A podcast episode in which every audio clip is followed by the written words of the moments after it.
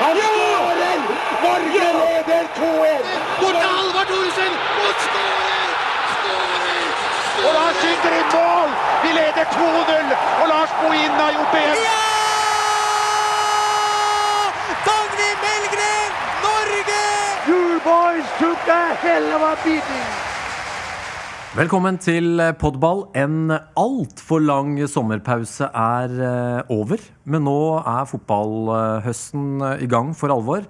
Og jeg kunne jo valgt å introdusere dagens gjest på en eh, snill måte, en hyggelig måte, en litt eh, røffere variant. Jeg prøver nå å legge meg litt midt imellom, for jeg skal ærlig innrømme at eh, i dag har vi ikke så mye manus. Han er altså odelsgutt. Det er verdt å nevne. 59 år. Åsgårdstrand eh, bosted. Da har kanskje noen eh, fått det for seg hvem som sitter i studio. Velkommen, Nils Johan Semb. Takk for det, Svein. Var den innafor, den introduksjonen? Ja, den var eh, presis. Den er bra, det. Sportssjef A herrer, du går over i en ny rolle nå, avtroppende toppfotballsjef. Vi skal snakke om Nations League. Vi skal snakke om noe du er veldig opptatt av, nemlig identitet. Enten det gjelder klubb eller landslag.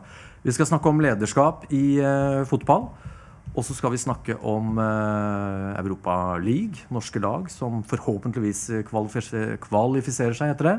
Og mye, mye mer. Fjøra, du er på plass. Alt vel? Alt vel, og jeg er overraska over at han har fått inn i Wikipedia at han er odelsgutt. Eh, Han overtok etter storbonden Drillo, så jeg regner med at det har med det å gjøre eh, i sin tid. Eh, For at det er jo ikke noe typisk bonde, selv om vi blir bondske innimellom, de fleste av oss. Så, men vi er veldig glad skal høre nå med Nils Johan Sem, som jeg vil bare si innledningsvis. Eh, Når jeg satt på TV for noen år siden, så satt jeg og det var så imponert over en landslagssjef som heter Åge Hareide, som hadde vunnet så mange kamper på rad. Og så sa jeg det har vel aldri skjedd i norsk fotballshistorie. Men Nils Johan Sem, eh, litt sånn når vi skriver historien for folk som har bidratt til norsk fotball, litt sånn glemt når vi har nye roller, hva man har gjort tidligere i andre jobber. Så det vil jeg bare si innledningsvis. Og nå har jeg vært veldig snill, og så vil jeg være videre. Da tar jeg den andre varianten. Da tar jeg den andre varianten, Jan Jogge. Fordi at Lagerbäck satt her eh, rett før vi gikk på. Vi lagde nemlig en web-TV-sending. Og um, da jeg fortalte at vi skulle gjøre podball med Nils Johan som så svarte Lagerbäck rolig én time med Sem. Hva skal dere snakke om? Det sa Lars Lagerbäck. Ja. Ok. Nei, Og så fortsatte Perry og fikk høre at eh, Så fikk Perry høre at Jan Åge også skulle være med, og så konkluderte han bare tørt at ja, men da blir det ikke noe problem. Nei. Ja, da sa han at det kom til å ta tre timer. Og, og det kan jo Vi har mye interessant å prate om. Fotballens verden er uedtømmelig. Det går fint, for nå har dere snart snakka 20 minutter, så jeg har ikke sagt noen ting. Så det er greit å være gjest her. Sånn, eh, sånn går det. Hvis jeg ikke nevnte det, 28. august er eh, datoen. Episode 15 av eh, Podball. Sommeren er historie. Fotballhøsten er, er i gang. Vi kunne jo starta mange steder, eh, Nils Johan, men eh, la oss begynne med landslaget. Din rolle nå som, eh, som sportssjef og det som skal skje på Ullevål om ikke mange dagene. Nations League aller først. Er det et bra konsept? Et konsept som gjør det lettere for Norge å kvalifisere seg? Hva, hva tenker du? Det er et veldig bra konsept som er basert på Altså, du må være god sportslig for at du skal kunne klare å kvalifisere deg. og Det er sånn det skal være i topp, toppidrett. Det er de beste nasjonene som skal gå inn. Men det er et konsept som gjør veien vanskeligere og ikke lettere, som en del eh, medier har påpekt. For eh, Skal du f.eks. gå via, eh, veien inn via Nations, eh, Nations League, så er det bare én plass i, på vårt liganivå. Det betyr at først må du vinne gruppa di med Slovenia, Bulgaria og, og Kypros. Eh, Den blir avgjort i, i høst. Og så må du vinne en semifinale og så må du vinne en finale mot en annen gruppevinner på samme nivå. og i det, i det der er det lag som Serbia, som var veldig gode i VM i sommer, som bl.a. kan være en aktuell motstander. Der er Hellas, som har vært med i de fleste sluttspill de siste 20 åra. Der er Romania osv. Så, videre. så du må være god for å ta den ene plassen som er tils, eh, altså gitt vårt Nations League-nivå. Men det er et veldig bra sportslig konsept totalt sett. Så, og det er også en egen turnering som gir et eget sluttspill i, i 2019 med de fire beste nasjonene i, i liga A. Da. Du kan tenke deg et sluttspill med f.eks. Med, med Spania, Portugal, Frankrike og Tyskland. Det er faktisk en mulighet at det, at det ser sånn ut. Og la oss være ærlige, Jan Åge. Det at privatkamper mer eller mindre er historie, og at vi får tellende kamper, altså sett med publikumsøyne, det er lett å skjønne at Uefa har valgt en sånn modell. Ja, det er mange grunner til at Uefa har valgt dette. her. Jeg er enig med Nils Johan at jeg liker konseptet. Jeg liker tanken på at alle kamper skal telle. Treningskamper var utdøende. Så skal man også se, og så tror jeg det er viktig også at man sier at dette her er en, det er en helt ny turnering. Eh, de har også klart, i og med at toppnasjonene ønsker egentlig bare å spille mot hverandre. Så på en måte har de konkurransifisert det også. Så det, Sånn sett syns jeg det er en, en, god idé. Men som alle andre, eh, som Champions League og Nation League, det er påtroppende nye VM-planer, så handler det om at de rikere blir litt rikere. For er det én ting NFF, Uefa, Fifa er livredde, det er jo denne lunsjen eh, toppklubbene har ca. hvert tredje år før en ny Champions League-modus skal diskuteres. Da møtes de i London, og da er selvsagt Uefa livredde for at de skal lage sin egen liga. Eh, og jeg som er veldig glad i landslagsfotball, og det er vi alle rundt bordet her, så syns jeg hilser dette velkommen. Og så, så skal Sem bli mobba litt i begynnelsen, for vi kommer til å le litt av konseptet. For det går litt tid før man forstår det. Det syns jeg også var litt morsomt og ridicule. Men når man setter seg inn i det, så er dette her et veldig godt uh, Alle kamper teller. Vi kan møte Kypros nå i første gangen, og den kampen teller kanskje kanskje for noe som skjer om to år igjen? Altså Det er godt sportslig motivert, det produktet her. Men det er ingen tvil om at det også er veldig økonomisk motivert. Og du er inne på noe, noe, noe som er eh, veldig tydelig i fotballen, som har vært over tid, men som bare blir sterkere og sterkere. Det er altså økonomien som styrer. Og de rike blir mye rikere. Eh, de fattige, for å si det sånn, de, blir, eh, de får litt mer penger gjennom f.eks. dette konseptet her. Eller de små, for å heller bruke det eh, eksempelet. Men det blir større og større avstand opp mot de, de store nasjonene. Både på klubbsida, men også på landslagssida.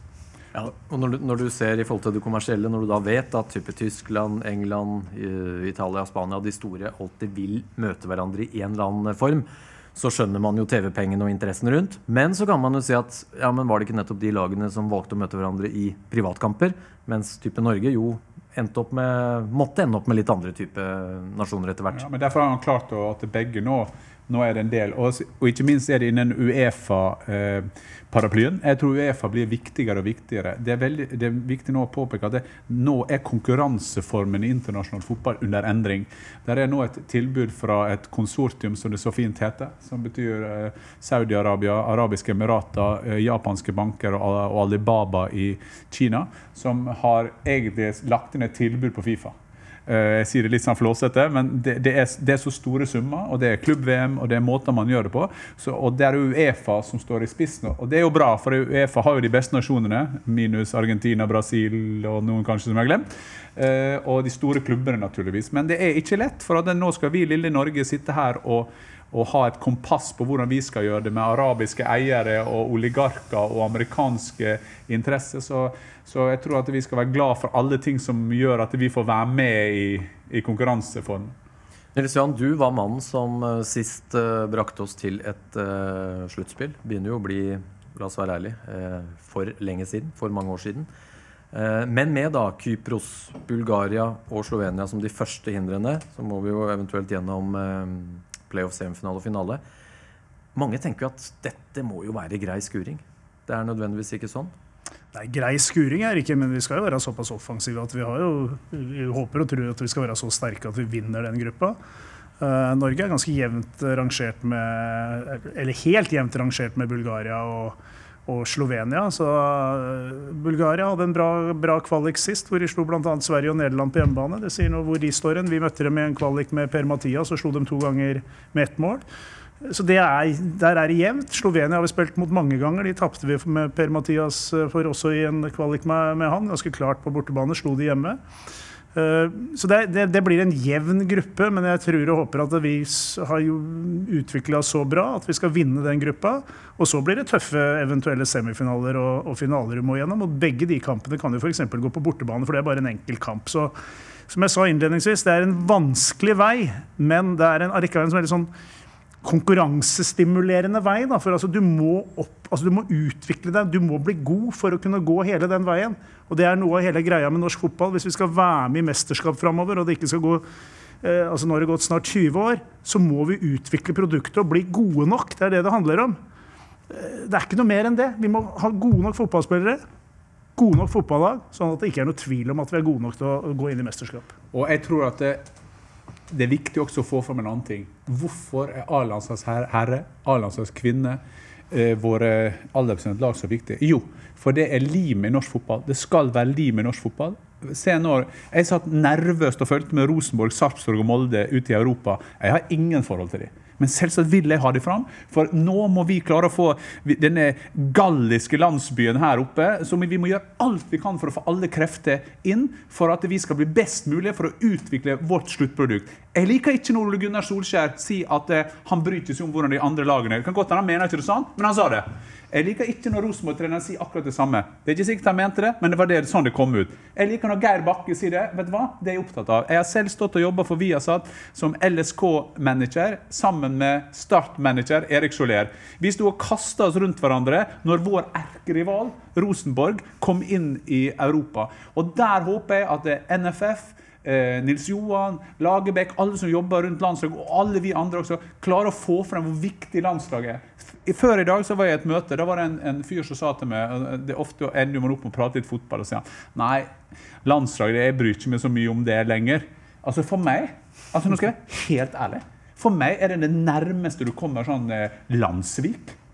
Fordi at det, det å, å, være opptatt av landet ditt, det å være opptatt av symbolene rundt landet ditt, og, og, og, og idrett er jo kun positivt.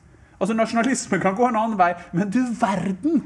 Når vi vinner, og, og, Dette har ikke bare med fotball å gjøre, dette har med langrenn osv. Men så skal vi få lov å si at fotball spiller en, en spesiell rolle i og med at det er en verdenssport. Ja, og jeg tror også det at altså, Noen av de som sier at de ikke bryr seg så mye om landslaget, de vil være på plass igjen med, med, en gang du, ja. de ser, lukter muligheten til resultater, så vil de være på plass. Vi så forrige gang, og selv om det er en stund siden landslaget gjorde det bra, så var det jo enormt hvilken, hvor stor interesse det var i folket. Men også rundt Rosenborg i, i, i Champions League. Og jeg syns det er veldig spennende at en lite en klubb som Sarpsborg da, nå har en mulighet til å kunne kvalifisere seg inn til et gruppespill i Europa. Det er en kjempeinspirasjon for de andre lagene i Eliteserien. Odd gjorde det glimrende her i, i forrige kvalik. Holdt på å slå ut Dynamo Zagreb. De hadde Dortmund året før det igjen. Altså, det viser at de mindre lagene har eh, mulighet. Og jeg var på Sarpsborg stadion når de vant, eh, vant 3-1 eh, her på torsdag. Satt sammen med med, med formann der, Cato Haug, da. Med, med, og da kunne jeg være Sarpsborg-supporter. Ja. Altså, det er ikke som når jeg går på en eliteseriekamp. Da må jeg være nøytral i min rolle. Da kunne jeg være Sarpsborg-supporter, ta på meg Sarpsborg-skjerfet og stå og juble etter hver eneste scoring. Og det er akkurat sånn som du beskriver, Jan Åge. At du, ja, det, det var, for meg så var det en, eh, som en landskamp, da, selv om det var et norsk klubblag som spilte. Og sånn må det være. Vi må gå hånd i hånd for å utvikle hverandre, eh, klubbene og landslaget. Og, og, og, Nå skal jeg ikke bruke hele det møtet jeg hadde i dag som en sånn premøte til denne podkasten, men eh, en som var i det møtet, sa noe annet òg, og det likte jeg. Han sa det at det festtalene er i ferd med å komme inn i kommunikasjonen. Skjønner du? At de tingene som du sier der, eller jeg sier når jeg drar opp det der står med flagget på brystet, nasjonalsang, det er vi mot alle, det, det er vi som skal ta Europa Det kommer inn nå det, det er helt OK. For det, er en av de få tingene i samfunnet som, som er veldig positiv Det er mange som frykter nasjonalisme. Men ordet nasjonalisme er ikke så farlig. Det det handler om hvis det er positiv nasjonalisme, og det tror jeg er viktigere enn noen gang. For det tilhører raushet, eh, identitet, som du skal prate mer om, som jeg syns dere har vært veldig flinke på å skape denne landslagsskolen og den, den, type ting som, eh, som, vi er der. Så en av tingene vi må uh, ha som så store mål, alle som er glad i norsk fotball, det er at folk ikke må være likegyldige. Jeg tror ikke de er mot norsk landslagsfotball. Jeg tror noen kan være likegyldige. Altså For de taper likevel. Og så glemmer de at vi slo Kroatia her. Vi husker noen utsolgte Ullevål eh, stadion der. Vi husker stolthet når vi kom med buss inn her, og det sto 2000 eh, unge mennesker og skulle se landslaget vår, og 700-800 var våre nye landsmenn. Vi husker det. Det var i går. Ikke sant? Så det ligger latent der et eller annet sted. Og Nils Johan, nå har vi lagt bak oss en eh, historisk bra sommer når vi tenker på de aldersbestemte landslagene. G17, G19 og Jenter 19. Én eh, ting er å kvalifisere seg et kjempetrangt nåløye, men de har altså da prestert der òg, med kvartfinaler, semifinaler og, og, G19 som skal til VM neste år.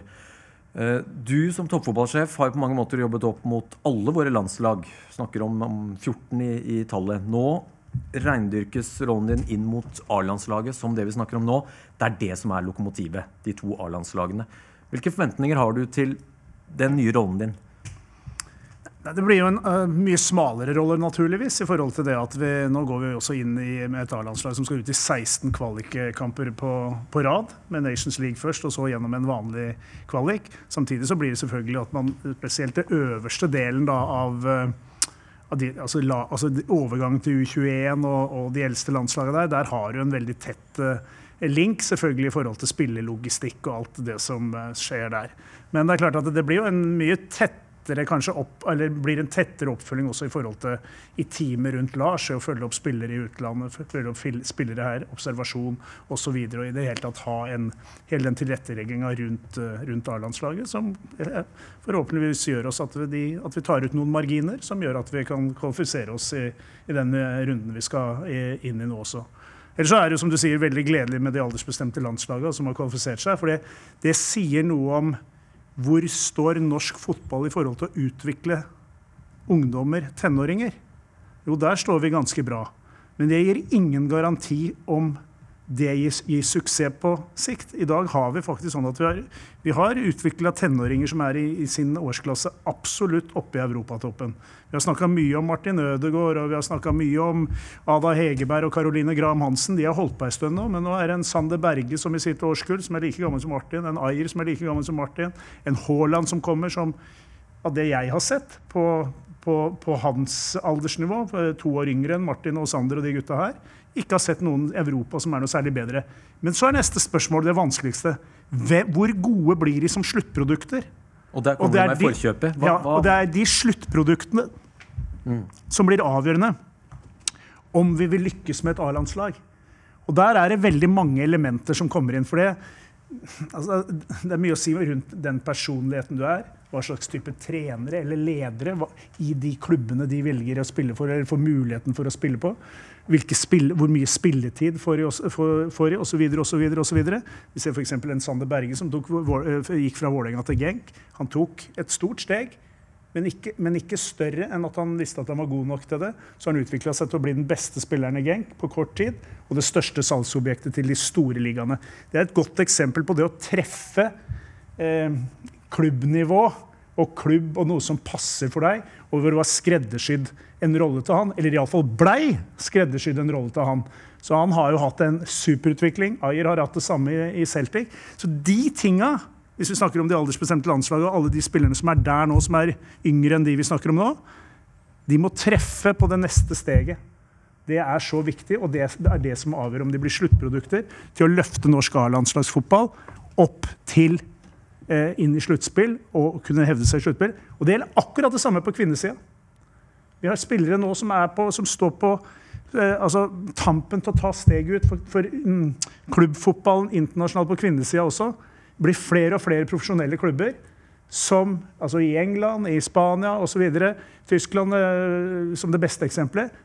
De beste spillerne må dit og utvikle seg gjennom å spille i gode miljøer der. Fordi de får bedre medspillere, de får bedre motspillere. og Det er sånn du utvikler deg som fotballspiller. Det vet du alt om, som har vært i både Tyskland og England osv. Så videre. sånn kan vi, få bra, kan vi få bra sluttprodukter. Og jeg tror Det at det, eh, det er mange nøk nøkkelpunkter det du sier der, Nils Johan. Eh, enig i det. Eh, jeg tror det er veldig viktig at NFF, at norsk fotball, igjen forstår jeg nå sier først og fremst herrelandslaget, fordi at kvinnelandslaget har jo vært ledende. Altså, De har jo vært i europatoppen, de har vært veldig nær verdenstoppen. Vi har spillere og produsert der. Eh, to av det. Eh, når, når, vi tre eh, jobbet litt sammen for noen år siden, da var jo et av hovedpunktene det var jo å få det tilbake på organisasjonskartet, slik at herrelandslaget er utrolig viktig. Altså for at Hvis vi vinner fotballandskamper, hvis, hvis, vi bidrar til norsk fotball, så, så, så, roer en del andre eh, ting seg. Det som jeg liker bra med, med, at Nils Johan går inn i den rollen rundt oss og Jeg har kjent Nils Johan nå i cirka, sikkert i 30 år. Og jeg tror ikke man skal undervurdere det der, hvordan du setter sammen teamene. Altså, Hva har du slags referanse? Hvem er det? Vi, ofte så tror vi det at det handler om de store valgene. Det handler ikke ofte om i livet eller om andre steder. Det handler om de små valgene du gjør hver eneste dag. Og det utgjør de store valgene. Om det er en spiller som skal til Salzburg, eller den som skal direkte til Manchester United eller til Real Madrid, det kan være individuelt. Men det er de, de små valgene du gjør hver dag. Og igjen, jeg, jeg vil si at det, sånn, sånn som jeg ser det på innsida, og likevel på utsida, så ser jeg at det, fra 15 til 16 til 17 til 18 til 19 til U21 til A synes det ser ganske greit ut. Vi produserer mange A-landslagsspillere som har gått skolen. Vi produserer mange som går fra U21 inn på A-landslaget. Dersom vi har, og Det var derfor jeg likte at du sa sluttprodukt. For sluttproduktet må defineres som den som gjør sånn som Berge Sander gjør nå i en kamp. Han tar initiativ, han viser seg fram. AI fremstår som en, en som har tatt nivået der. For det er mange av den generasjonen som jeg skulle ønsket hadde, og nå har jeg sagt, jeg vet det, Svein, du vil helst ikke arrestere meg, jeg har sagt råskap så ofte i dette her studio. De som tar det siste, og det er derfor at jeg liker sånne som uh, uh, Braut Haaland. Det er derfor at jeg, jeg syns det er veldig bra det movet han har tatt, for jeg vet det passer til han. Fordi at det, Der har du en trener som heter Marco Rose, som sa nei til Frankfurt, som sa nei til flere klubber i Bundesliga, fordi han vil bygge et konsept i Salzburg bestående av de beste ungene, unge spillerne i Europa. Da treffer han. Men hvis det hadde vært en annen trener, hvis du hadde hatt en av de gamle, sure tyskerne på 63, da kan det godt hende Salzburg har vært helt feil for han. Ja, jeg ble veldig glad for når jeg så, uten at jeg, vi vet hvordan dette her blir i framtida, men jeg følger deg veldig i det resonnementet. Jeg ble veldig glad også når Haaland valgte Salzburg og ikke Juventus. Fordi at det er mange dobbel av disse, lønn. ja, det er dobbel lønn, Ja. det, men det er så lang vei fram.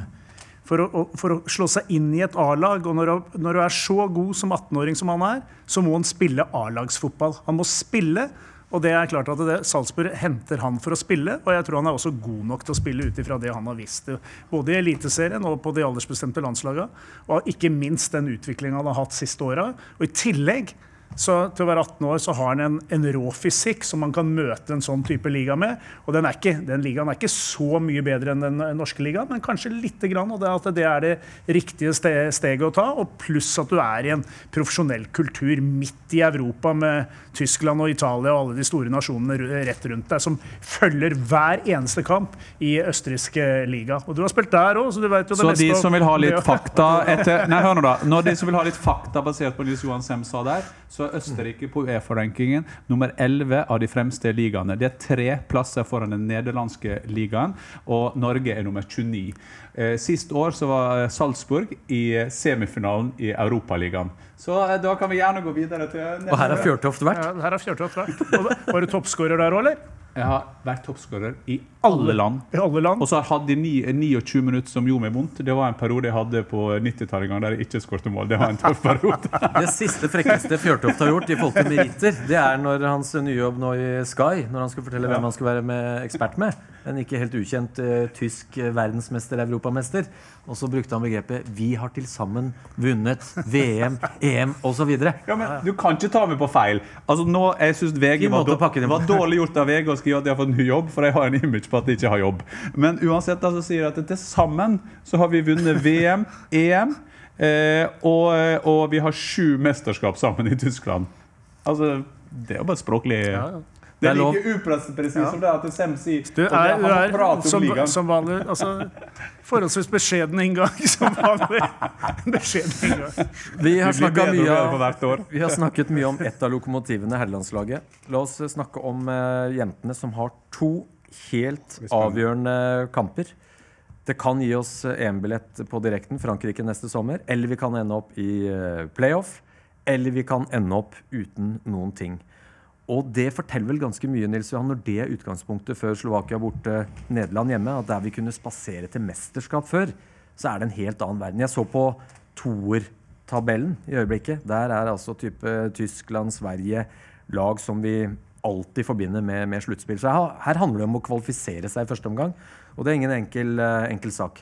Nei, og så er det, det, er en, det er på en måte en ny hverdag da, som har kommet nærmere og nærmere. at Det er ikke noe selvfølge lenger at Norge kvalifiserer seg. Norge har vært en av pionerene på kvinnefotball i, i verden. Vi har hatt eh, utrolig dyktige ledere med eh, Per Ravn Ovndal og Karen Espelund i spissen, som har fått eh, internasjonale verv og vært viktig for utviklinga av, av, av kvinnefotballen.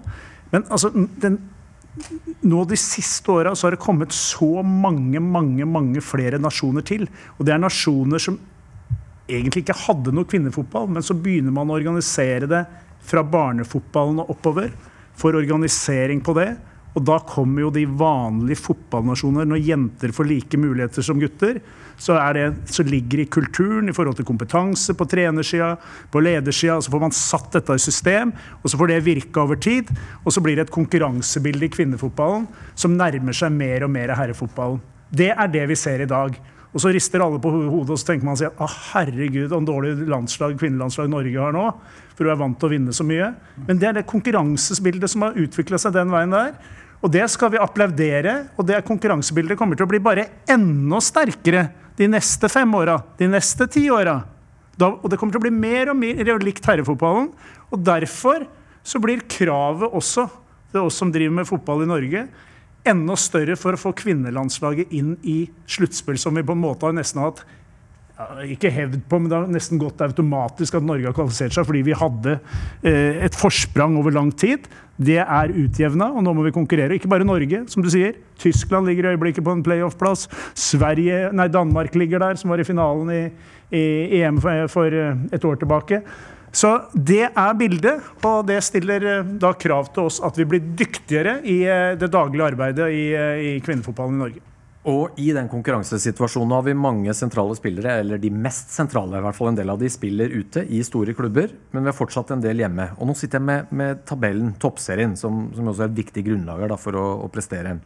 Din klubb, Jan Åge, for å kalle det det, Lillestrøm, har altså 16 strake seire i årets toppserie. Fantastisk bra. 55-8 i målforskjell.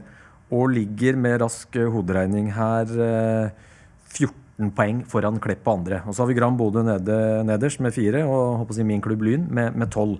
Og da er mitt spørsmål, når vi vet at da LSK, på tross av den fantastiske innsatsen i toppserien, ligger et stykke bak de beste europeiske lagene, så blir jo jeg litt sånn småredd.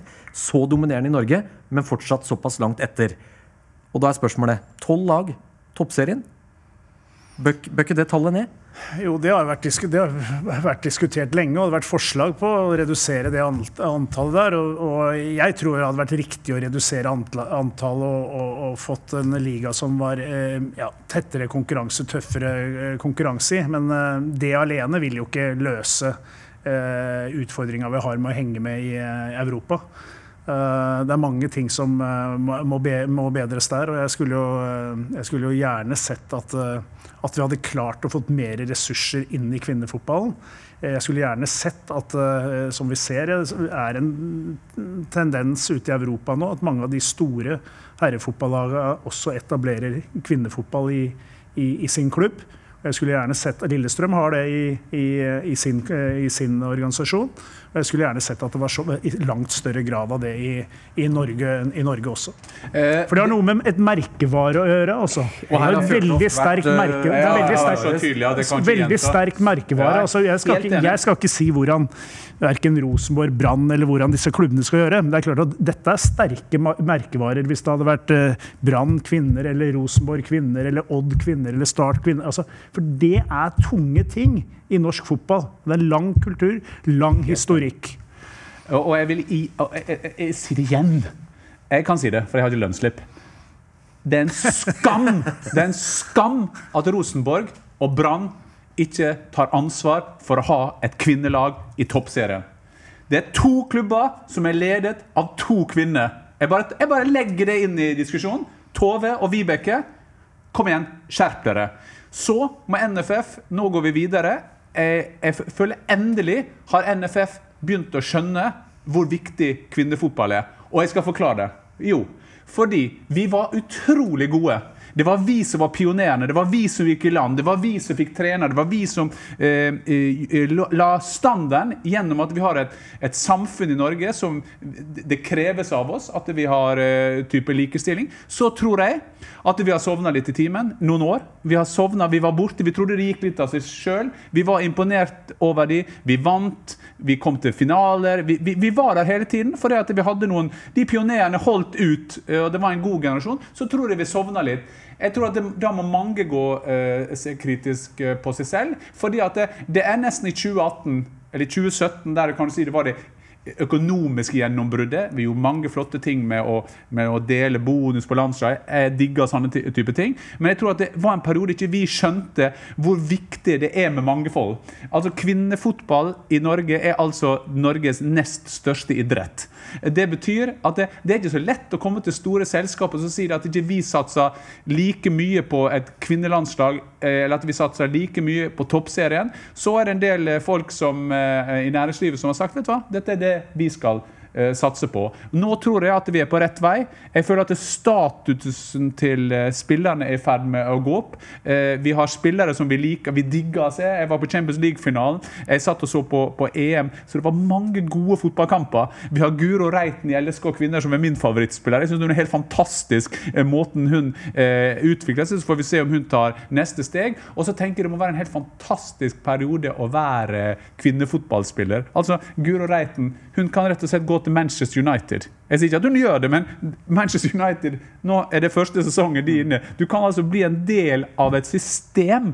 Eh, og Ada i Lyon eh, og i Wolfsburg, vi har folk i Manchester City, vi har i Chelsea, Liverpool og bygge opp lag. Det må være helt fantastisk for Kari Nilsen og Gunn Nyborg, som skårte de første målene midt på 70-tallet, 6-77, å se hvordan kvinnefotballen og, og, og der føler jeg at nå er staten som begynner å ta seg opp. Og jeg tror også det at eh, Jeg tror det vil bli sånn også at eh, vår eliteserie, da, eller toppserien, blir en utviklingsarena for de aller aller beste yngste spillerne, som må ta steget ut i disse store Igjen med det samme argumentet for å komme i et treningsmiljø med de beste, og et kampmiljø hvor de spiller enda tøffere kamper enn det du gjør i Norge. Sånn vil du få et landslag som eventuelt kan være med å slåss eh, om medaljer i, i framtida. Og så tror jeg bare sånn, så jeg, jeg var med på det Royal League-konseptet. Royal League var en meget god idé. Men det var dårlig utført. Vi fikk ikke det til. Vi fikk ikke det. I Lillestrøm så satsa vi veldig på det. Det var Du akkurat ubeseira i Royal League, ikke ja, det? var fint du nevnte det. Eh, jeg var ikke tenkt å si, jeg var ikke, nei, jeg var ikke tenkt å si det. Men de henta Jørgen Lennarsson, og så var jeg ledig. Men eh, ok, nå skal Jørgen klare det, og god seier i helga. Men det som var poenget der, at det, jeg synes det var en fantastisk god idé. For at hadde vi klart et sånt nordisk samarbeid, og jeg tenker hvis på kvinnefotballen, kunne det vært en sånn tanke man hadde baki. For hvis det har vært en utviklingsarena med gode svenske lag som har vært litt foran oss i utviklinga, også på det kommersielle, en del danske lag, hadde vi klart en eller annen sånn eh, knekt den korn. Kanskje det er lettere på kvinnesiden, hvor man har kanskje flere datoer å, å, å velge mellom. For jeg tror det du, sier der, eh, eh, en av nøklene. Og så ser du noen av lagene, apropos tolv lag, der er jeg litt sånn ambivalent. For det, det er fint at Gran Bodø er der. Eh, og det er fint at de unge jentene fra Lyn er der. Hvis vi hadde sett på tabellen nå, så hadde de falt ut. Men så er det klart, det, eh, det skal ikke Altså sånn, men, men det er jo ikke så mye sånn store store seire lenger. Nei, men, men Altså, fint, sier du, synes- er, er, det det fine vi skal vektlegge, eller skal vi Ja, at- vektlegge at de beste skal bli bedre? Ja, men det er alltid en balanse. Når jeg spilte i, Frank jeg spilte i eh, se, jeg spilte i Østerrike, da var det fem lag fra Wien. Eh, og så hadde vi Salzburg, og så hadde vi Innsbruck, og så hadde vi noen i dalstrøka utafor. To lag i Graz. Eh, så jeg, jeg ser det sportslige av det, men så ser du f.eks. Hockey og eh, håndball, flere lag som ikke er hele landet. Det er noe med særpreget vårt. Så jeg bare sier, En eller annen sted er balansen. Når du ser det rent sportslige, så, så for eksempel, da, da skulle vi egentlig begynt med Eliteserien. Eh, altså, det kan godt være et like stort problem, men, da, men jeg vet jo at vi har en på min høyre Det er velkjent hva- hva gjesten Bonden vår mener der. Han har jo kjempa mot de vindmøllene som Don Quijote nå i Der er odelsgutten knallhard og tydelig. Ja, Men det eh, det samme, hesten. hesten min heter det samme som hesten til Don Quijote. nå er vi der. Dette er bra. Og det er et passe momentum for et lite temaskifte. Vi har vært innom eh, våre to eh, landslag, de aldersbestemte. Stikkord er identitet. Du har skrevet en kommentar, en kronikk, som ligger ute på fotball.no, for dere som ikke har, har lest den, der du etterlyser en sterkere identitet i norsk fotball. Og så peker du på en del suksesshistorier, både når det gjelder klubb og landslag. Hvorfor er identitet Nils Johan, så, så viktig? Jeg tror uh, hvis, hvis man ser uh, på lag som lykkes i dag, og hvis man ser bakover også i tid, lag som har lykkes både av store og små nasjoner altså Det er jo de store som blir uh, henta fram. Altså, uh, hvis man ser på Guardiola, da, for å ta et eksempel, kanskje den verdens beste trener over tid en periode nå. Han har hatt den samme identiteten, de samme retningslinjene hele veien for hvordan han jobber. Enten om det, eh, det starta med Barcelona, han tok det videre i Bayern, eh, han tok det videre i, i eh, Manchester City. Og ikke sånn at det er blåpapir, men likhetstrekka er så enorme at du vet hva altså hadde, du, hadde du sett et lag spille fotball og du ikke visste hvem treneren men det, var Guardiola, så hadde alle svart dette er et Guardiola-lag. Dette er et Klo- Klopp-lag. Dette er et um, Simone-lag, ikke minst. Som er en helt annen type identitet enn Guardiola. Men det er identitet å se hva de har fått til. Eh, hvis vi går tilbake til vår gullperiode, så hadde jo Nils Arne en fantastisk identitet i sett Rosenborg, hvor han sto på. Som hadde mange fellestrekk med Drillos eh, landslag, eller landslagene i, i, i NFF. Men der var også var forskjeller. Men det er en tydelighet i det de gjør. Det er tufta på en, en tydelig filosofi med veldig tydelige retningslinjer på hvordan ting skal gjøres i de ulike spillfasene, både når du forsvarer og når du angriper. Og det slår igjennom altså, eh, Vi skal snakke om lederskap seinere, men for å foregripe litt av det også. Det er faktisk en del av lederskapet. Det å bygge en tydelig identitet med den fotballaget du holder på med. Eh, For det viser retning. Det viser en tydelig retning. Dette er retningen vår. Og jeg tror at det er det, altså, Uten at du har en klar, tydelig retning, tydelig identitet, så er forutsetningene for, for å få resultater mye, mye mindre. Og dette ligger åpenbart bak tankesettet når du begynte å snakke med Lagerbäck og før han ble norsk eh, landslagstrener. Én ting er sluttspillmerittene, men det er en tydelig identitet i hele hans trenerkarriere. Ja, altså Island, nei, Lagerbäcks Sverige og Lagerbäcks Island er veldig, veldig like. Lagerbäcks Norge, som han er i ferd med å bygge nå, hvis du skulle spola tilbake og sett de fire, fem, seks siste kampene nå, og du hadde eh, bytta trøyer på disse laga, bare for å ta et sånt eh, eksperiment, så ville du sett at de spiller samme type fotball. Med litt forskjellige spillertyper, som vil påvirke naturligvis i en eller annen retning. En Zlatan påvirker Sverige, selvfølgelig, og en Gylfi påvirker Island. Men det er så, det er så mange faktorer som er gjennomgående i morgen, hvordan du forsvarer det, og hvordan du angriper. Du kan nesten legge blåpapir på, på, på de fleste punktene i de, i de laga der. Det har gitt suksess. Forhåpentligvis gir det suksess for Lagerbäck med, med Norge også. Uh, I hvert fall så tror jeg forutsetningene er optimalisert gjennom å ha den eh, tydelige ret, eh, retningen. Og jeg mener ikke bare når jeg snakker om Rosenborg og norsk lands, De påvirka norsk fotball veldig mye, som gjorde at det ble en identitet i hele norsk fotball. Det betyr ikke at alle gjorde det likt, men de bygde veldig mye på de samme tinga. Blant annet hvis du tenker på defensiv organisering, var dette med sonespill veldig innarbeida i norsk fotball. Vi var godt defensivt organisert, gode og kompakte lag som jobba hardt, var gode i press, gode i, i, altså aggressive og vanskelig å bryte ned. I dag mener jeg at mye av det er vanna ut, for at det har på en måte blitt borte på veien. Og jeg tror det er viktig igjen ikke å gå tilbake til 90-tallet eller, eller eh, på den måten, men å ha en fornya identitet med veldig tydelige retningslinjer. Det kan gi norsk fotball et, et løft. Men, men eh, Jan Åge, når da Nils Johan etterlyser den identiteten Det er jo ulike veier til suksess her, enten det er eh, gjennombrudd, ballbesittelse, mange veier opp og frem. Men er det for mange trenere som, som skal tilfredsstille for mange, og som skal hive seg på type trender, og som da ikke klarer å reindyrke en, eh, en identitet?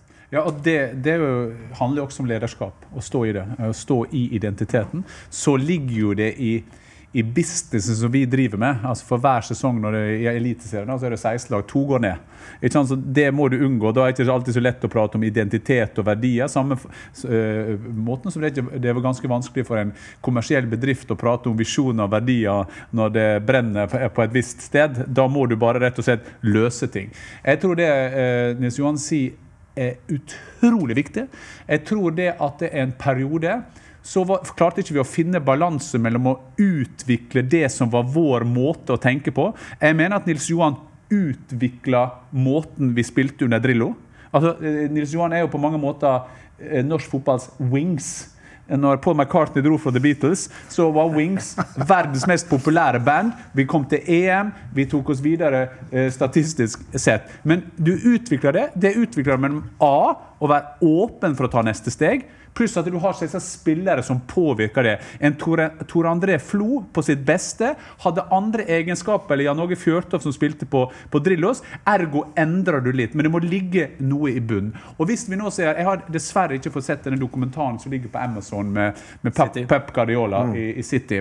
Eh, Markus, sønnen min, har sett den og, og skrøt voldsomt av men jeg har sett noen klipp. Tror vi det at det, Guardiola er en romantiker?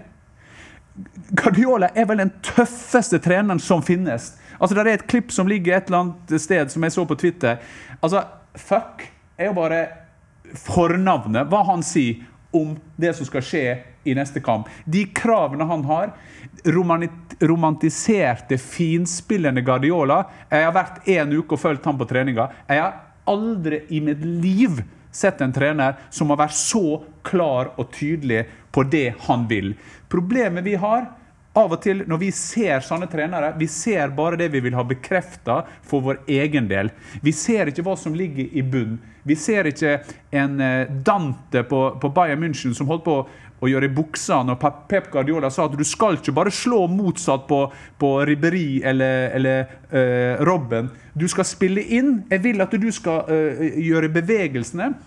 Og Da er det så utrolig viktig at NFF, NTF, Rosenborg, hvis vi tar av flaggskipene, at den debatten går der hele tiden. Hva er det vi skal lære av de? Og Da må vi ha trygghet på det. Men av og til nå er det dårlig, det er dårlig gjort å si det nå når vi har tre lag som kan komme inn i Europaligaen. Av og til i norsk fotball så har det vært viktigere å vinne nabooppgjøret på La Manga.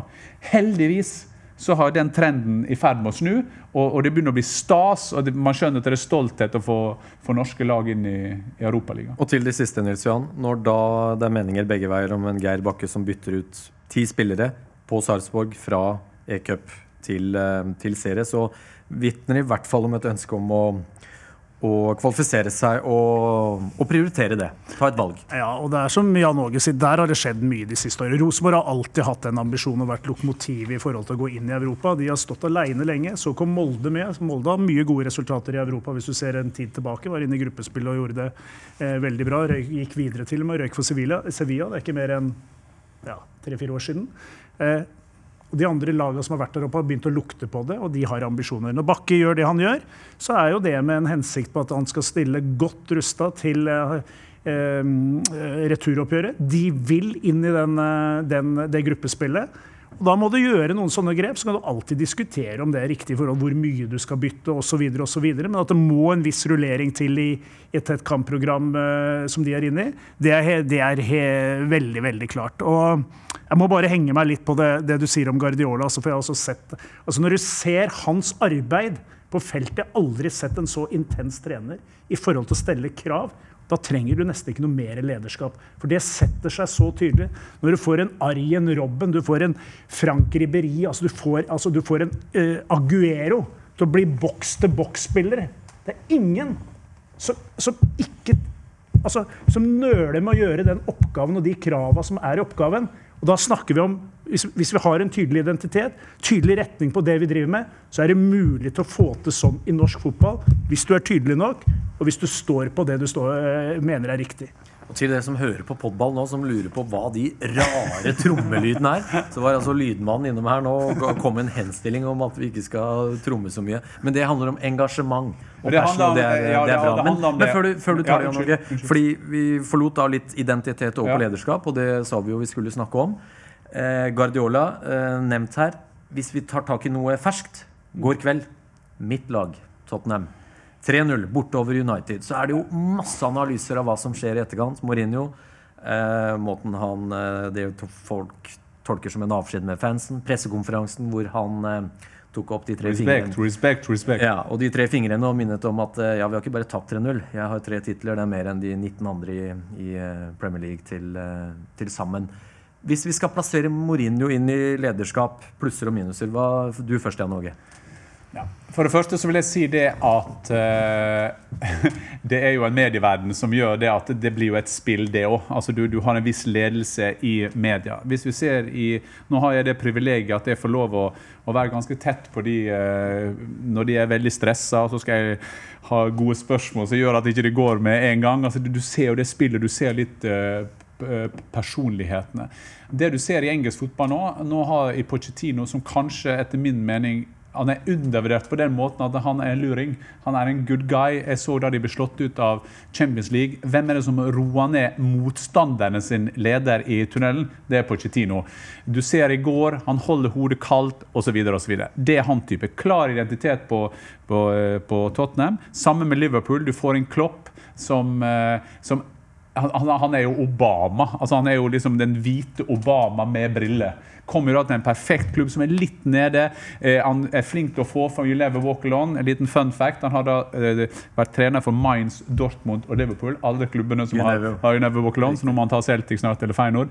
Eh, det, med en gang så begynner han å si få ned Rush, få ned Fowler, få ned alle. La vi skape historieidentitet. Eh, og det kan, Guardiola har vi, har vi diskutert. Så må vi huske at identitet må ikke alltid være en positiv ting. Du kan jo ha en dårlig identitet. Det som vi ser med Mourinho som er interessant, selv om vi nå ikke skal glemme at det i fjorårets sesong så var Mourinhos Manchester United vel seks poeng foran Liverpool i serien, mens Liverpool hadde jo et fantastisk run i, i, i Champions League. Jeg var en stor fan av Mourinho. For at jeg definerer spillere som de som gjør de, eh, spillere bedre. Hvem er det som gjør de bedre? Du ser eh, Stirling ble med en gang bedre når han kom til Guardiola. Altså, og, og du var jo inne på det. Aguero blir en mer komplett spiller når han blir bedre. Mourinho gjorde en fantastisk jobb, spesielt første perioden i Chelsea. Eh, og Så dro han et mesterskap når han kom tilbake dit, eh, osv. Men han har rett og slett mista eh, evnen til å gjøre spillere bedre. Og han har mista når jeg ser Lindeløf nå, som er verdens snilleste gutt Når jeg ser han utpå der, jeg syns jo synd i han. Husk det var Mourinho som henta. Så når han roper på midtstoppere Han har på en måte mista det litt. Og da vet jeg at jeg setter standarden høyt, for det gjør jeg med Mourinho. For han, er, han sa jo det selv i går. Jeg har tre Premier League-titler, de 19 andre har to. Så standarden er deres oppe, så jeg lurer på om Mourinho Altså, det er noen spillere, det er noen ledere, det er noen musikere i verden som bare plutselig mister det. Det er ikke, det, det er ikke sånn leder vi er ute etter. En Stirling hadde aldri vært så god med Mourinho. Han har ikke blitt bedre. Nils Jan, hvor, hvor, hvordan ser du på Mourinho? Jeg har lyst til å si en ting innledningsvis. at Jeg tror at eh, Når du skal framstå som leder, så må du være ekte og du må være ærlig. Og du kan ikke, du kan ikke altså pers, Du må på en måte bruke din personlighet i forhold til det lederskapet du utøver. Og det gjør jo de aller fleste, naturligvis. Men, men eh, et godt eksempel er jo Guardiola der, som er den intense arbeidslederen. Også på godt og vondt. Ja, den intense arbeidslederen. Så har du helt rolige typer som er veldig tydelige i sitt lederskap. Se på en Zinedine Zidane, han sier ikke mye. Han har rimelig suksess. En Lars Lagerbäck som framstår med stoisk ro og tydelig, eh, tydelighet. En Klopp som er ekstrem impulsiv, samtidig som han er tydelig. Og så har du Mourinho. Som jeg tenker, jeg tenker sånn med Mourinho, som var på mange måter på et tidspunkt for meg det største trenernavnet, fordi han gjorde det så bra som du sier, både med Chelsea, med Porto, han fikk med Inter. Altså Inter, han fikk resultater overalt med og tenkte sånn Du må være utrolig dyktig, og det tror jeg han var. Men er den framtoninga hans ekte? Er den ærlig, eller er det en sånn greie som han hadde med, og som han hele tida må ha med videre? For nå ser han bare ut som en sur, gretten mann som begynner å bli eldre, og som på en måte har, har mista det. Jeg vet ikke. Jeg, har- aldri møtt Mourinho personlig. Jeg vet ikke åssen han er eh, med spillerne og ba, bak, eh, bak kulissene der. Men eh, han, i går syns jeg han så ut som en, som en slagen og urolig mann. Når du så, og så nærbildene på han også. Han så ikke ut som han hadde det godt. Og husk hvor rolig han var før. ja, og det, det, det var et eller annet som har skurra med Mourinho i denne sesongen, eh, sesongen her. Men, men jeg bare si, si at det, det som er interessant også, det er jo hvilken klubber du har. Altså, eh, Når Drillo og, og, og Nils Johan hadde landslag da, ofte, eh, Det skal ikke glemmes at den gylne perioden vi hadde på 90-tallet, leda vi alltid 1-0. Altså, det betyr at når motstanderen kom fram, det var helt perfekt for oss. At vi kjørte ut, fikk 1-0. Altså, det er noe med hvordan Det er vi mot resten av verden. Når Drillo sier 'ikke undervurder engelskmennene'. Altså, ja, men det er litt av den der. Eh, Mourinho har trent Porto Inter og Chelsea med suksess. Du kan si at Chelsea, Selv Chelsea, som er en toppklubb, kunne du si at ja, nå skal vi ta Manchester United, vi skal ta Liverpool, vi skal ta de store klubbene. Han har alltid gjort Når han fikk Real Madrid, ingen stor suksess. Når han fikk Manchester United, ingen stor suksess. Og det er litt interessant å se, fordi at det, jeg, jeg sto der en gang, da ble han intervjua. Jeg sto og venta på han eh, klar til intervju, og så ble han intervjua av Bainsport, Og så spør han uh, uh, What do you think about the supporters? Og så sier han Which supporters? Altså, eh, altså enda til de altså, Jeg tror at det er Mourinho jeg, jeg leser han så godt som jeg kan lese han uten å kjenne han. Mourinho er en som eh, var en akkurat passe god fotballspiller. Kanskje ikke det engang. Kjempa seg oppover, har en fantastisk fotballhistorie. Eh, begynte sammen med Bobby Robson, ble tatt videre. Det er han mot resten av verden. Jeg må være, det er jeg mot resten av verden, og det skaper en enorm lidenskap. Men plutselig når du er på topp, hvem er det da du skal sette det ut mot dommerne? Egne spillere, øh, dine egne tilskuere. Og og så ser du det der i går, så sier han etter kampen Ja, fansen altså Han hørtes ut som Donald Trump i går. Han var helt lik Donald Trump.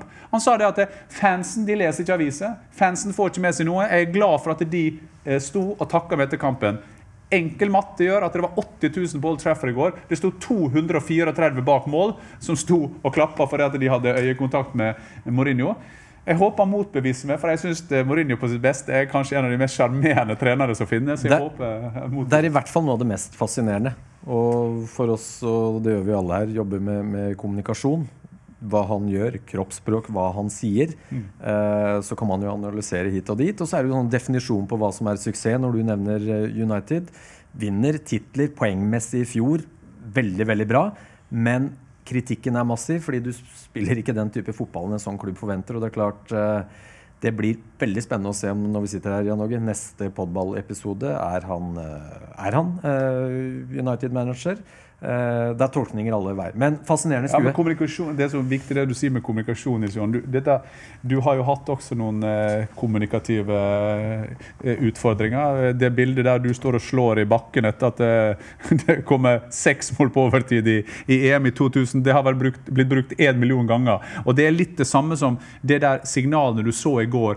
Jeg er helt enig med Gary Neville, som på Twitter, eller på, på Monday Night Football var irritert på Ed Woodward, som da skal bestemme, som er CEO-en i Manchester United. Etter kampen så sitter han igjen to minutter på tribunen for å vise hele verden hvor irritert han er. Dette er det samme mann som ga han ny kontrakt i januar, som ga ikke han penger i overgangsvinduet. Så lederskap handler også om hvor du fremstår.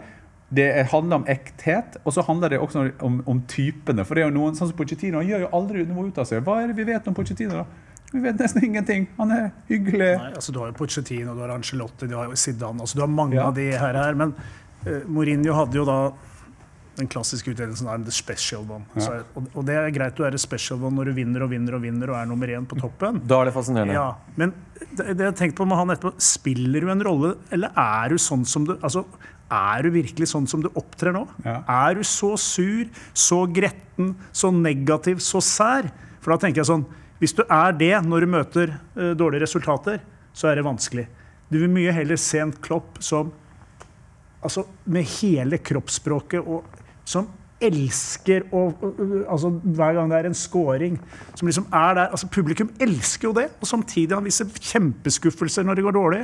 Altså, Mourinho er veldig usikker på, på framtida hans i Manchester United.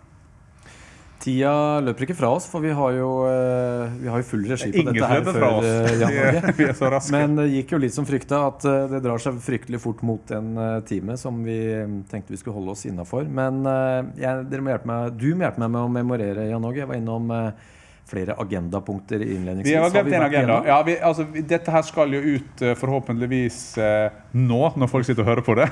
Men, det men, sånn. men vi går jo inn i Jeg skal jo si at eh, sluttproduktet av dette her er jo at vi har jo en begynnelsen av september som er utrolig viktig for norsk fotball. Så det kunne vært litt interessant å høre om, eh, om hvordan du ser de to eh, kampene for kvinnelandslaget eh, og Norge sin kamp mot Kypros. Ja, og spå gjerne utfallet for oss. Det er gjerne det vi er opptatt av. Hvordan går dette? Altså, kvinnelandslaget er jo i avslutninga, så der er jo øh, altså, Slovakia borte og Nederland hjemme. Nederland hjemme, og de møter altså, Nederland var suverene europamestere på hjemmebane. Norge kunne slått dem faktisk i første kvalikkampen borte. Um, Brant en straffe, Brant en baklengs straffe på på- helt på 0-0, tampen. med- med mål mot overtid.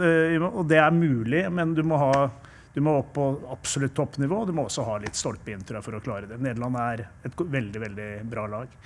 Um, Så håper jeg når jobbes gjelder med, med Slovakia. Bare si at Nei. nå skal de til Slovakia. Ja. Jeg, håper, jeg håper bare man klarer å For at det, der har vi alle vært. Tror- At, at de klarer At det ikke blir overdrevet Nei, jeg, heller. jeg tror du er inne på noe som er helt vesentlig. Det er på en måte nøkkelen, tror jeg. For å, Ja. altså, for å, altså, du må på en måte komme ut av den, for da, For det må du vinne. den må du vinne. Det sto altså 0-0 mellom Slovakia og Nederland til det var spilt 9-8. Ja, ja, nei, De skåra vel på overtid til og med. Nederland. Så, det, så nære var det. Um, når det gjelder herresida, så er det klart at det er utrolig viktig å få en god start. Og en god start for meg er fire poeng eller mer. Jeg vil helst ha seks, men hvis vi kan slå Kypros hjemme og ett ha ett poeng borte mot Bulgaria, og så har to hjemmekamper igjen i oktober da mot Slovenia og Bulgaria, så har vi starta med veldig godt. Helst seks, men uh, fire, er, fire er bra. Og så har vi to lag da i Champions League for eh, kvinner. Avaldsnes, LSK Gledelig at kvinner. Avaldsnes klarte det. Og de tre eh, herrelagene vi har vært innom, som kjemper for Europa League. Hvor, eh, hvordan tror du det utvikler seg? Ta Champions League kvinner først. Nei, Det tror jeg er tøft. Eh, Jeg tror Lillestrøm tar seg videre. Avaldsnes har møtt Lyon, og det er, det, er, det er ikke for å si noe negativt om Avaldsnes, men det er klasseforskjell. Det er Europas beste lag mot Avaldsnes, som har slitt veldig i den norske serien og ligger ja, ganske langt nede. Så det blir en for stor oppgave. Jeg håper at de kan eh, slå bra fra seg og få to OK opplevelser, men det kommer Lyon til å vinne. Så tror jeg Lillestrøm går videre. eh, de har, syns Hege har gjort en fantastisk jobb med det laget. og jeg tror også De, denne, de har vært ganske uheldige med trekninga de siste åra. Denne gangen så var, fikk de en overkommelig trekking, og det tror jeg de eh, klarer. Ja, Og, og tror- gutta. Ja, Jeg tror, jeg tror med dam, jeg sier, sier det samme der. Jeg syns det er fantastisk at Avaldsnes tok neste steg. Det tror jeg det, det var viktig. Og så får vi da en pekepinn på eh, lagene. Jeg, eh, som sagt, jeg var på Champions League-finalen, og da var jo nesten klasseforskjell mellom Lyon og Wolfsburg akkurat i denne finalen. Så var litt eh, dessverre med Caroline eh, ute. Så kan jeg begynne med gutta der. Kan jeg stikke hodet ut? Jeg tror faktisk Sarpsborg klarer det. Eh, jeg tror eh, 3-1. De var litt heldige med timinga på skåringa og alt sånne ting. Det blir eh, klisjéfullt, en heksegryte der nede, men der tror jeg det blir Hevenu shalom alachem eh, og halleluja eh, og banabia banabe. Og da kommer vi igjen med Sarpsborg. Molde eh, tror jeg ikke klarer det. Og nå så jeg også eh, Ranheim-kampen. Det var Ja. jo ikke, men var dårlig generalprøve. jeg, var, jeg var i Trondheim, så Rosenborg. Ja. Og, ja, og Rosenborg er jo De har gjort en eh, Er det Jelab- Jelabi? Jelabi eh, Mm. har de fått en veldig god fotballspiller som gjør at savnet av Jeg liker ikke det der en gråtende Helland. For det at jeg, ja, jeg vet det, skal, det er det verste som finnes. Og det, de virker som Men klarer de det, Rosenborg? Ja, jeg tror Rosenborg klarer det. Uh, så jeg tror det en som er sikker på å klare det, en som jeg tror klarer det, og en som jeg tror ikke klarer det.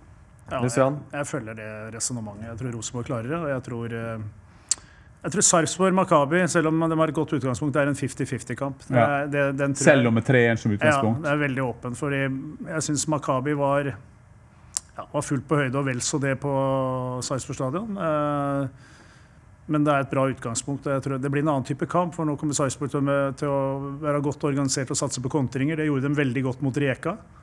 Eh, som jeg tror Reka tror jeg var et enda bedre lag enn Makabi til Tel Aviv. Eh, så det er, Sarpsborg har alle muligheter, men 50-50. Og, og hvis Molde skulle klare det, så er det en bragd. Da er det en bragd, For Zenit er et veldig godt lag. og, og klarer å snu. De gjorde en god bortekamp i 70 minutter. og Veldig synd at de slapp inn den siste på, på slutten. der, for det er klart det, Nå må de vinne med to. Eh, Det blir tøft, og de må holde nullen sannsynligvis og skåre to. Men eh, la oss krysse fingra. og Molde har vært gode på kunstgresset i Europa før, de, i Molde. Og så må vi eh, ha en spesiell hyllest til Thomas Berntsen og Geir Bakke, hva de har klart i, Ros i Rosenborg i Sarpsborg. For det at det, måten de har bygd klubb, imponerer meg. Eh, For det er noe med Apropos lederskap. og ja, apropos lederskap og, ja, og rolleforståelse, hva vi betyr. Så får vi litt ekstra penger, vi selger noen spillere, så bygger vi en ny tribune. Eh, du ser det potensielt eh, eh, nedslagsfelt med tilskuere. De skaper god stemning der. Jeg syns Thomas, Thomas er veldig fin i sportsdirektørrollen sin når han sier bare kom til oss hvis dere gjør det bra, så skal dere få gå til neste steg. Det betyr at de neste talentene eh, kommer. Litt sånn som vi så periodevis i, i Strømsgodset i sin tid. At det var noe sånn, Du bygger klubb, og det syns jeg er veldig fint. det som er Den største inspirasjonskilden til at det går an for små norske lag da. altså Sarpsborg er jo en inspirasjonskilde nå. Men det er bare å gå et halvt år tilbake i tid og se på Østersund. Ja. Altså Østersund er, kan sammenlignes med hvilken som helst eh, altså lag i Eliteserien. Og kan Østersund, så er det mange norske lag som har mulighet til å kunne. Man må lese de bildene om du finner flere av de historiene i Europaligaen. Og går du inn i Europaligaen, så er det plutselig 50 millioner eh, på toppen av det du omsetter. Og hvis du har suksess, så er det enda mer. Og det er mulig med godt arbeid, godt lederskap, og det har eh, jeg støtter meg, eller følger dere på det. Når det gjelder Geir Bakke og Thomas Berntsen og Cato Haug og mange flere. Sarpsborg er en av de klubbene i norsk fotball som har drevet absolutt best de siste åra. Og så er det en sånn ting for at det må være inspirasjon også for de større klubbene. Nå har vi Lillestrøm som sliter litt. Eh, Vålerenga-prosjektet skal være i mål i 2031, så det gleder jeg meg til når det endelig begynner å bli startet av. Eh, og, eh, ja, men Ronny tåler det. Eh, men eh, for noen år siden en annen Bakke, legendariske Svein Bakke, som var leder i Sogndal og var med på Askeladden i 76. Det er noen, vi begynner å bli gamle når vi husker det. Men han sa en gang det at det, det er ikke Sogndal som driver så bra, det er de andre som driver dårlig. Det han sier, det er at det, hadde vi fått noen av de store lagene til å være flinkere til å bygge klubb, så eh, kunne vi ha hatt flere den type eh, prosjekt som det er i Sarpsborg. Rosenborg har vært flinke til å, å bygge klubb. Eh, og så skulle jeg prøve å komme på noen flere. Molde for så vidt, men Molde også er jo litt kunstig i og med at du, du har en Kjell Inge Røkke som har vært en fantastisk ambassadør for, for Molde og bygd opp flaggskipet der oppe. Ja, jeg synes også må henge på Brann, som har gjort mye bra de to siste tre åra. Det er jo en klubb med potensial i Norge. så hvis... eh, Og så ser du hvor viktig det er med Ja, ledere med, med leder, ja, og med Lars Arne, men også med det Vibeke, som Ja. eh, gjør en veldig god jobb i den daglige lederrollen. Så la oss håpe at de bygger videre på det, og at du får et lag som eh, altså blir, blir stabilt utfordrende til Rosen, Rosenborg. Fortjent ros til flere, og som Geir Bakke vel sa her etter en av europacupkampene, at eh, det å være godt organisert, ta kontringene og være god på dødball, det går sjelden av eh, moten. Og det er kanskje et stikkord i forhold til identitet. Lykke til til Sarpsborg, til de andre norske klubbene som skal ut i Europa, og ikke minst, Nils Johan, lykke til når det gjelder deg og landslaget, for å si oss, da. Vi håper alle at Norge skal få en uh, superstart i Nations League. Podball tilbake igjen, Åge. Før uh, folk aner det. Jeg lurer på om Lise Klavenes er uh, neste på vår gjesteliste. Lise Klavenes det skal vi diskutere det meste med, og da sier jeg det meste med. Lise er glad i å prate. Jan Åge er det. Dette kan bli stygt. Takk for at du hører på.